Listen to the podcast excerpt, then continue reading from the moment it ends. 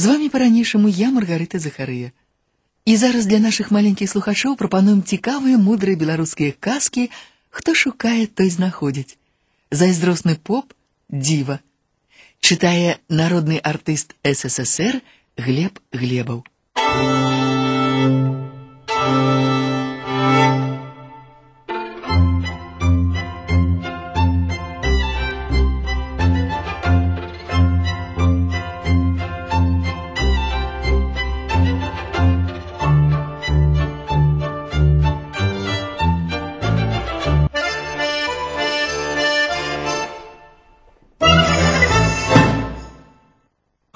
побіў усё на полі. Сонца рэшткі дапаліла. Супроць гэтай горкай долі не паможа нават сіла.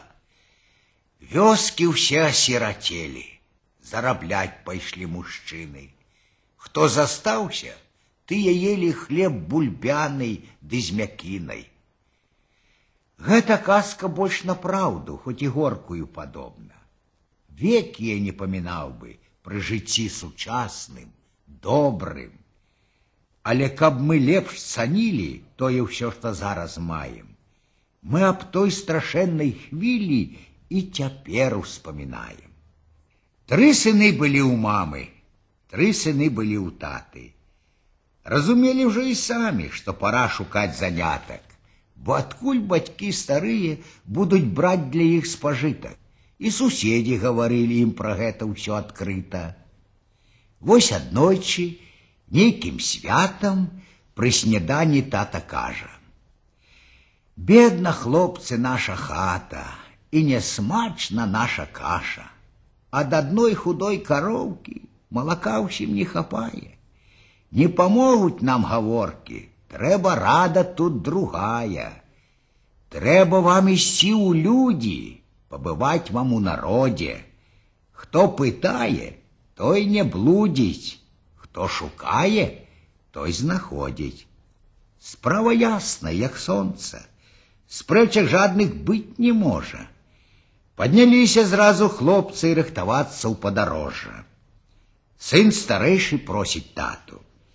Дай пінжак ты мне ў дарогу, бачыш сам, халаднавата, будзе ўсё ж мне дапамога усміхнуўся тата сыну. На, сынок, хоць ён апошні. Больш работай грэй ты спіну ля варштата ці на пожні. Сын сярэдні ў матулі на разжыву просіць так жа. Дай медяную каструлю, есці ў ёй смачней насмажаць. Хоць одну каструлю маю, заберы яе сабою, толькі ўсё ж табе параю спадзявайся не на тое. Калі будзеш працавітым, знойдуць людзі частаваць чым. Будзе стол заўжды накрыты, не спытаюць посуд матчым.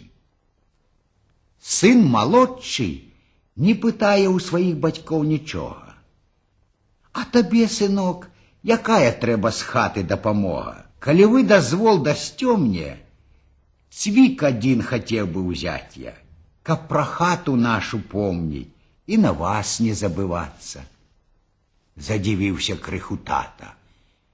Вельмі просьба ўжо малая, а браты смеюцца з брата. Э, голова его дурная. Што ж, сынок, бацькі гавораць, мы табе ў тым не адмовім. Выбірай, які каторы, нас не ўспомні дрэнным словам. Я вось той возьму, что вешаў, кладучыся спать одежу. Для мяне ён самый лепший, будзе памяткай мілейшай. Абцугамі цвік ён вырваў на ўспамін і дапамогу, а браты з усмешкай хітрай паглядзелі на малога. Развітаўшыся з бацькамі, у свет пайшлі ад іх сыны ўсе, а малодшы меншы самы на пагорачку спыніўся шапку зняў і глянуў моўчкі на сваю старую хатку, дзе хусцінкай цёрла вочы па сынах вандроўцах матка. Падышлі да раздарожжа, там спыніліся ўсе трое. Кажуць большыя варожа. Сцежкай ты ідзі другою. Мы ўсё ж таки маем нешта. Я пінжак, а ён каструлю. Хоць прадаць іх можна зрэшты, калі будуць плечы муляць. А з цвіком, які ты дольнік, ён нічым не дапаможа. Што ж, браточки, у наваколлі много сцежак і дарожак. Меньшы брат ідзе ад ранку, сонца стало на обеде. Бачыць, перад ім фурманка по дарозе торна едзе. Раптам адляцела кола, покатилася з дарогі. Вось хілілася дадолу, чарканула як нарогам. Тут адразу коні сталі. Злез фурман, а хто не злез бы, толькі крэкча. Эх, крыху б сталі, цікавалачак жалеза, а не лесу, а не вёскі, толькі поле ды камене. Ой, загвоздка дык загвоздка. Стаў фурман у задуменні. Падыходзіць хлопец. Дядя, не гаруйте, цвік я маю, зараз з вами ўсё наладзім, і з кішэні цвік вымае. Толькі вас папераджаю, цвік мне дорог з роднай хаты. Вам яго я пазычаю, будзе ён назад узяты. Засмяяўся падарожны. Хлопец, бачу, ты гарэза. Цвіка даць бясспрэчна можна. У кузні знойдзем мы жалеза. Падкацілі хутка кола, тым цвіком замацавалі, стаў ізноў фурман вясёлы. Ну, сядай, поедем, малец. Мы у кузні все подправим, а табе, сынок, подяка. Вельмі добра выйшла справа, і дадумаўся б не ўсякі. Толькі ён крануў за лейцы, коні зразу поўным ходам. Так даехалі да месяца без ніякае прыгоды. Кавалю маленькі клопат. Мерку зняў, адсех жалеза, попаліў, у руки молот і загвоздка ў вось полезла а малы ўсё разглядае.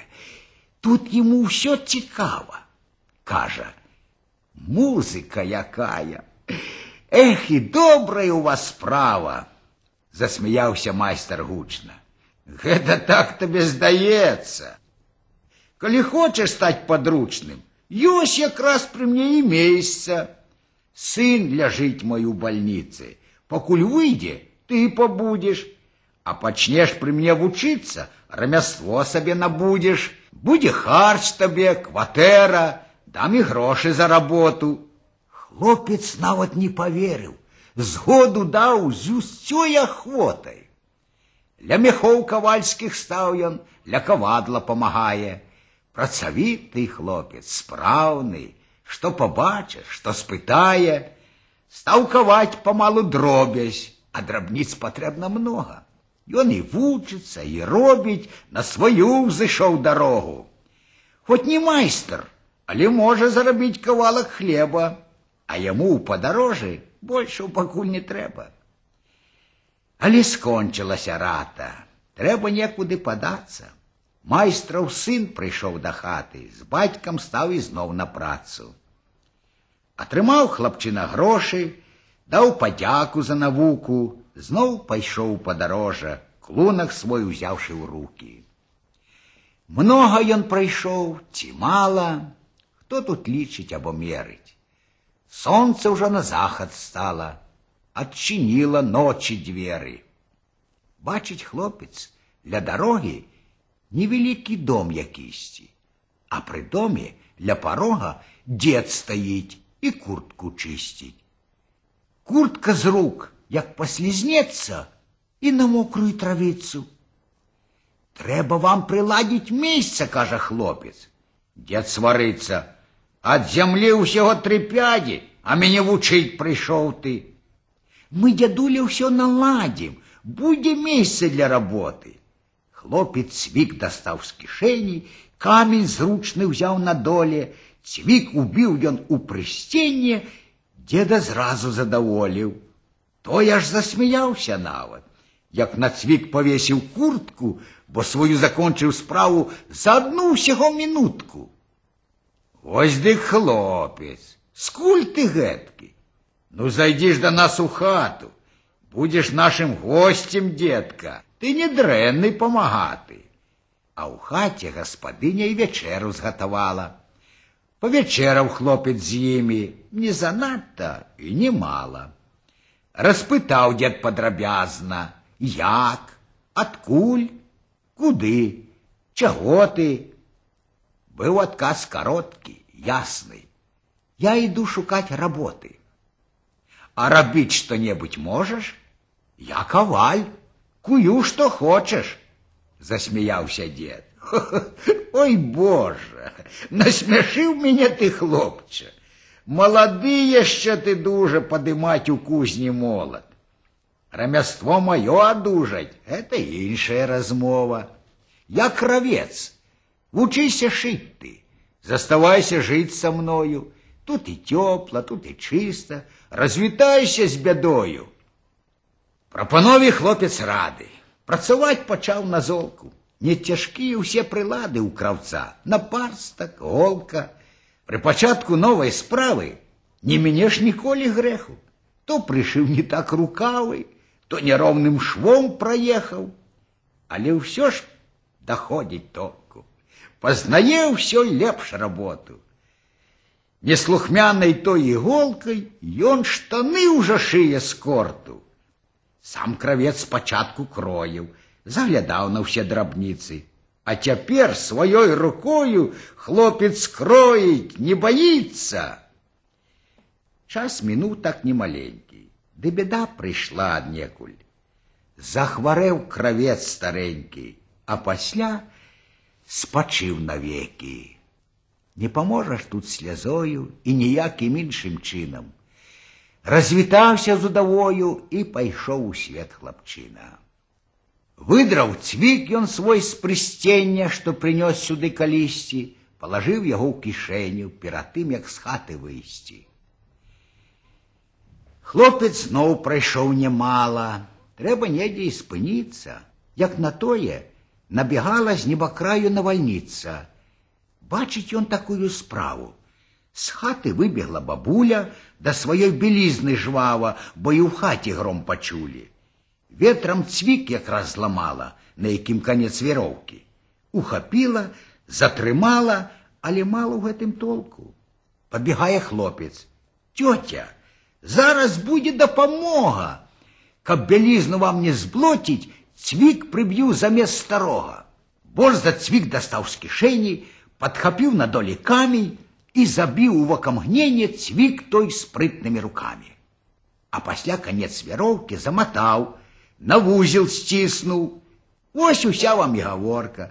Пачынайце браць белізну. Просіць юнака старая, памажы насіць мне хлопча. Хлопец добра справу знае, замарудзіш, доч намочыць. Гаспадыня пачастунак для памочніка рыхтуе. Кажа: « Вешай хлопча клунак, бо ў нас і заначуеш. Гаспадар шавец вясковы. Пачалася ў іх беседа а пасля і прапанова за беседай выйшла следам. Бачыш, што ты хлопец здольны, заставайся жыць у нас ты. Ёсць якраз варштатік вольны. Насукаем завтра дратвы і пачнеш памалу латаць на пачатку ўсё малое. З рамяством не будзеш плакаць, не насіць, як што цяжкое. Павячэралі, паспалі, раніцой за працу селі. Усё было і шыла ў палец, і цвічкі ў столь ляцелі. Трэба толькі мець ахвоту і ўпартую натуру. Навучыўся шыць ён боты, хоць псаваў спачатку скуру. Пояць, кормяць, грошы плоцяць, а яшчэ калі пахваляць. Стаў шаўцом някепскім хлопец, стаў шавцом нядрэнны малец. Кажа майстру ён аднойча: мне пора домов вертаться. Майстер хлопцу. Ну что ж, сыночек, добра ў свеце, лепш пры матцы. Накупіў юнак тавару і пашыў сам чаравікі. Чаравічак гэтых пару панясе пра свет вялікі. Прынясе, а дасць матулі, шыў табе сваёй рукою, а яна яго прытуліць і падзякуе за тое. Развітаўся ён сардэчна і з шаўцом, і з гаспадыняй. Клунак свой узяў на плечы і пайшоў сям'і гасцінай. Не забыўся цвік узяць ён, захаваў яго ў кішэні, успамін аб роднай хаце, успамін пра ўсе здарэнні. Ён ішоў дамоў паволі, дзе далінай, дзе праз гору, начаваў і пад ялінай, над якой зіхцелі зоры. Вось і горад блізкі самы, і да вёскі недалёка. Уваходзіць ён у краму, на тавары кінуў вокам. Бачыць, там пінжак знаёмы, той, што брат узяў у таты. Брат прадаў яго, вядома, ён на тое быў узяты. Адкупіў пінжак хлапчына, перайшоў да новай крамы, перавёў разок вачыма. Рэч знаёмая таксама. Там мядзяная каструля, матчын дар другому брату. Меншы сын сваёй матулі прынясе яе ў хату. Закупіўшы падарункі, ён пайшоў урэшце двору. Хоць ісці нелёгка з клункам, але ў добрым ён гуморы. Падышоў да роднай вёскі, вось і хата выглядае. Праз акно святла полоска, на камінку корч палае бо на газу не ўзабрацца. Ля стола бацькі сядзяць там, каля іх два абарванцы, брат сярэдні з большым братам. Не знайшлі нідзе работы, так яны бацькам гавораць. Пазбівалі толькі боты, каштавалі многа гора. Ах, мае вы галубочки, калі іх бядуе маці, дасталося вам сыночки. Не лягчэй і ў нашай хаце гаравалі ў белым свеце і разуты і раздзеты, с малякамі ў хаце светім, да чакаць нам цяжка лета, суцяшаюць маму хлопцы. Мы вясною ўсё здабудзем, як прыгрэе добра сонца, пойдзем зноў тады мы ў людзі, нам абы зіму прабіцца. Ды бацькі сынам не вераць.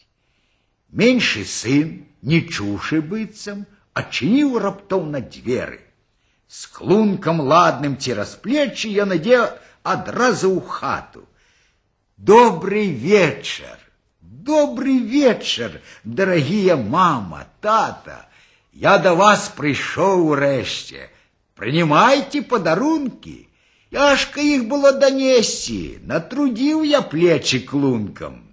Вось возьми пінжак свой тата і мядзяная каструля зноў вярнулася ў хату, прымае яе матуля. Чаравічкі, дар мой мама, іх пашыў сваёй рукою. Грошы вам прынёс таксама, каб не знацца вам з бядою. Я каваль, кравец, шавец я, звык да ўсякай работы. Зараблю, як мне здаецца, каб не знаць старым вам клопат. Вось і цвік, што ўзяў ад вас я. Ён памог мне і не дрэнна. З ім пра вас не забываўся, з ім я згадваў нашы сцены. Малаток узяўшы ў руки, цвік ізноў забіў на месцы. А якая тут навука, кожны сам хай набярэцца. Гэта казка больш на праўду, хоць і горкую падобна веки я не памінаў бы пры жыцці сучасным, добрым. Але каб мы лепш цанілі тое, усё, што зараз маем, мы аб той нелёгкай хвілі і цяпер успамінаем. Вам адкрыты шлях вялікі да навукі і да працы, вам не трэба з нейкім цвікам, як хлапцу там уцягацца. Рамяство даюць у школе, каб лягчэй дайсці да мэты. Але дзеці, усё ж ніколі не забудьце казкі гэтай.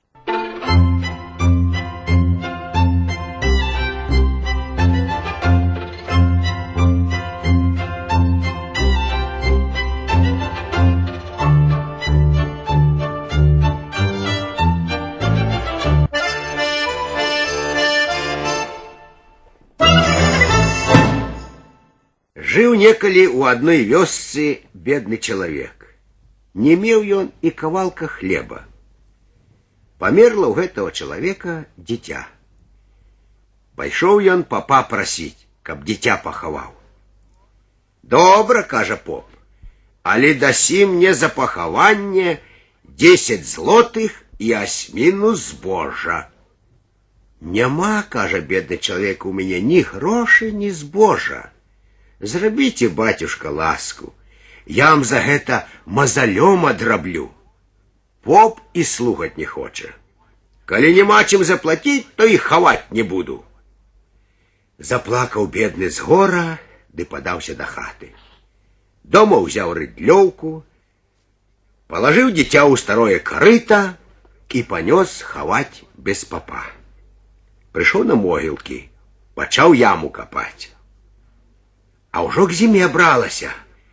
Земля замерзла, не бярэ яе рыдлёўка. Ідзе дарогою старенькі дзядок. Добрый день, чалавеча, кажа. Добрый день, дядуля. Что пытается дядок? Зацвярдела маці зямліца. Але, кажа бедняк, нават дамавіну роднаму дзіцяці выкапаць не магу.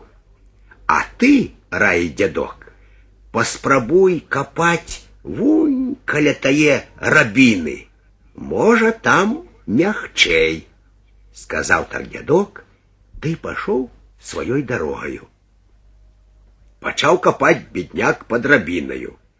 Аж там і сапраўды зямля мягчэйшая.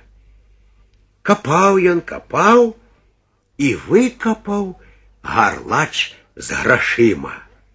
Чырвонцы так і зяюць. Зарадаваўся бедны чалавек, вярнуўся да хаты, схаваў гарлач пад печ, а сам узяў адзін чырвонец, ды зноў пайшоў да папа. Даў яму чырвонец і кажа: « Пахавай, батюшка, дзіця. Поп аж вочы вылупіў. Дзе ты лапатнік узяў такія грошы? Бедны чалавек усё і расказаў яму, як было. Ну, поп, як бачыш, адзеў раску, узяў крыж, ваду свянцоную, ды і паехаў хаваць беднякова дзіця. Пахаваў як трэба, нават на багатым крупніку пабыў. Бедняк цяпер меў за што пахавальны крупнік справіць. Вярнуўся поп да хаты і ўсё пра чырвонцы думае. Не есть, не п'е, карціць яму у бедняка грошы адабраць попадя і каже йому. Ай, дурний ти, батька, як бот. Тут і думать нема чого. Зареш козла, залезь у його шкуру, де прикинься чортом. І що? питається нездогадливий поп. А потім подойди уночі під його окно, да й скажи, а дай мені гроші. І он спужається і отдасть. Стукнув поп з радості себе стричкою у лоб. А і правда, маті, дурень таки я, сам не додумався. Дочекалися ночі. Зарезав поп козла, обялів, улез у козлиную шкуру, попадя суровыми нитками моцно обшила яе, каб не скинулася. Ён і пайшоў да бедняка. Прыходзіць под окно. «Отдай мои гроши!» — кричит не своим голосом. «А кто ты таки?» — пытается бедняк. «Черт!» Зернул бедняк у окно. И правда, черт с рогами и с бородою. Сполохаўся ён и кажа: « Ну, коли ты черт, то бери свои гроши.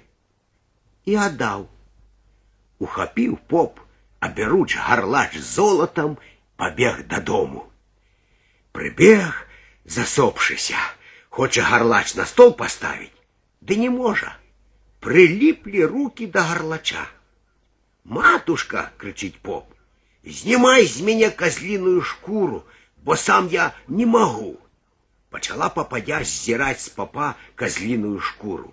Але і шкура, і рогі прыраслі да папа. Енчить поп, болит ему своя шкура, а козлиная нет не сдирается.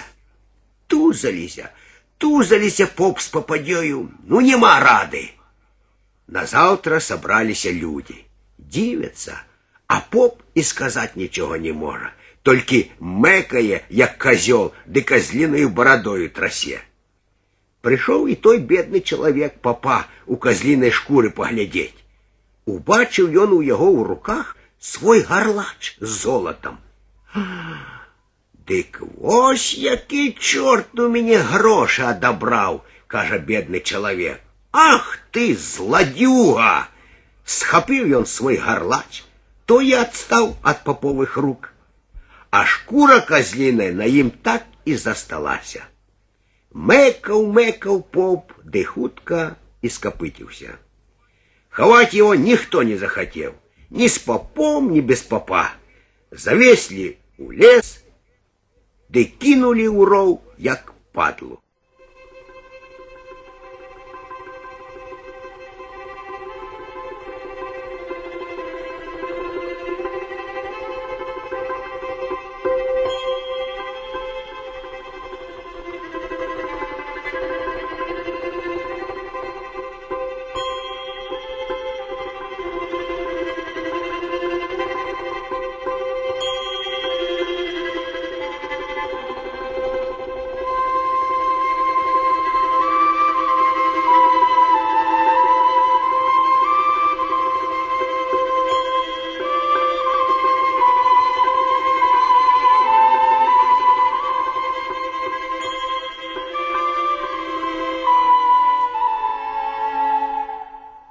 Пайшоў адзін бедны чалавек у свет шукаць сабе якога-небудзь спосабу.